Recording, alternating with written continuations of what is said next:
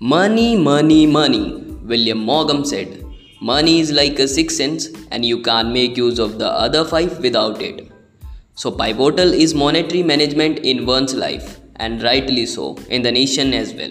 Fellas, it's Mohit here, and I'm super excited to welcome you to the fantabulous fourth episode of the ESR podcast series of Epitome, the Economic Society of Shivaji College, University of Delhi. I will be your host today, and we are joined by informative minds, and I really do mean that Lakshita and Timothy. Hello, people. Lakshita here. Currently majoring in economics. And so am I, Timothy. Glad to be here. Awesome. So, what are we doing here? We are here to dig into the nation's monetary management and fiscal intermediation status thus far. Since the beginning of COVID-19 pandemic, the monetary policy and the liquidity operations have geared toward mitigating its adverse impact on the economy. The easing of monetary condition continued in 2021 to 22 to provide a safety net to the system with resumption of normal liquidity operation in a phased manner. To paint a clear picture, I will begin by asking Lakshita. So Lakshita, what do you highlight if I ask you about the monetary development in our country since 2020?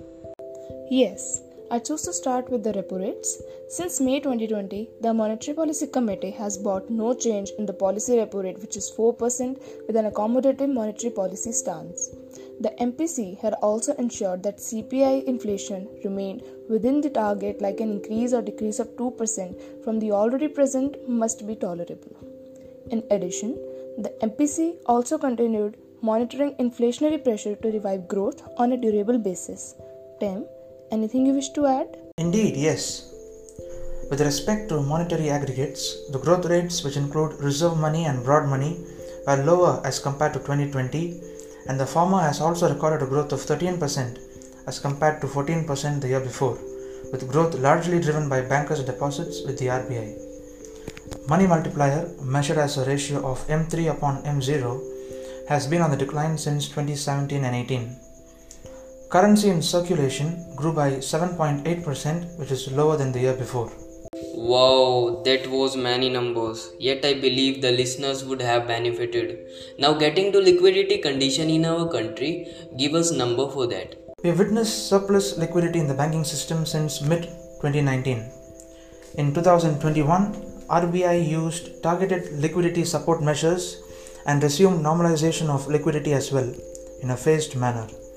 For instance, it deployed 14 day variable rate reverse repo options under the liquidity adjustment facility to rebalance liquidity from passive absorption. Also, cash reserve ratio reached its pre pandemic level of 4% by May 2021 through gradual increase. Alright, that indeed is great performance by our country. Fine, not anymore. Can I resist my curiosity over GSEC markets? Lakshita, I need your help. Sure. I believe I am qualified to help you with that. The 10 year government securities yields has increased to 6.45% in 2022 from 5.75% in 2020. The gap between a 10 year and 1 year GSEC yield, which we term as spread, has also narrowed down slightly in comparison with the pre pandemic years. That's certainly interesting. I suppose I must try my hand at it too. By the way, you have quenched my curiosity. Now, jumping to bank credit growth. We are aware that economic prosperity of any nation is built on strong edifice, of which credit growth forms a tough layer. So, Tim, how have we struck balance there? Correct. We have performed quite well. We saw a sharp peak in December 2021 to 9.2% after decent growth throughout the year. Now, talking about credit growth in agriculture and allied sectors, we have registered high growth of 10.1% and 11.6% respectively.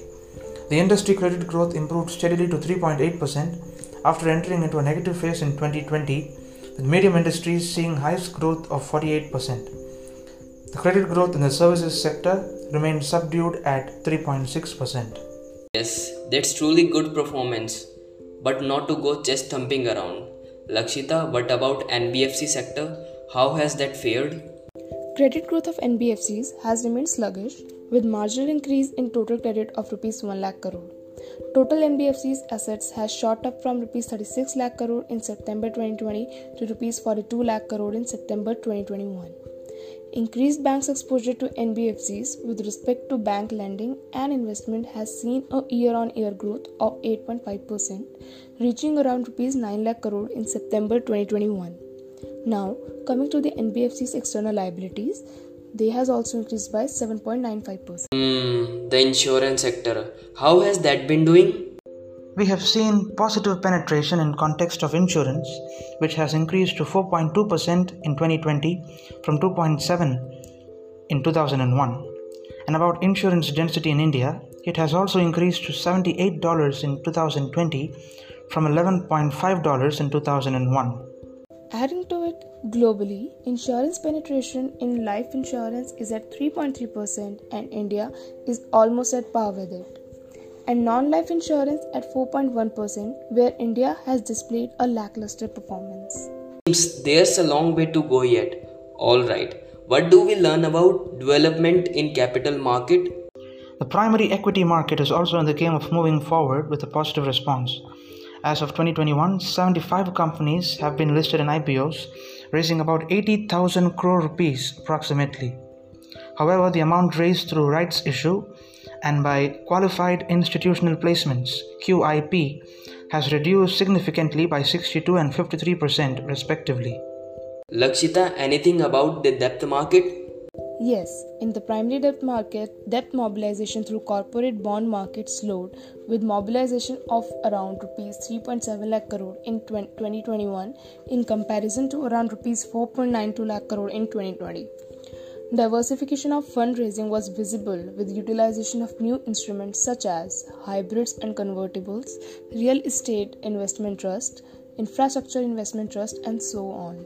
Also, another sea change that the country witnessed is a significant rise in retail participation with addition of nearly 221 lakh individual demat accounts between April and November of last year. That is a great piece of news, indeed. So, wrapping up, I had choose to end with the pension sector. Lakshita, if you could answer. Sure, we have measured a considerable rise in the number of subscribers under the new pension scheme and Atal Pension Yojana. Considering the overall contribution under NPS, it has grown over 29% with maximum contribution growth in all citizen model, followed by the corporate sector and so on. Asset under management under the NPS and APY has also roughly increased by 35%. Whoa, whoa, whoa. What a session it has been. Facts and data over and above the roof. I am truly grateful, Timothy and Lakshita, for the information you provided. Now it's time to pull the curtains over this episode, which I can bet sharpen brains of the listeners. Stay tuned with us until the next episode. Until then, keep your curious brain at work. Keep listening and learning. Thank you and adios.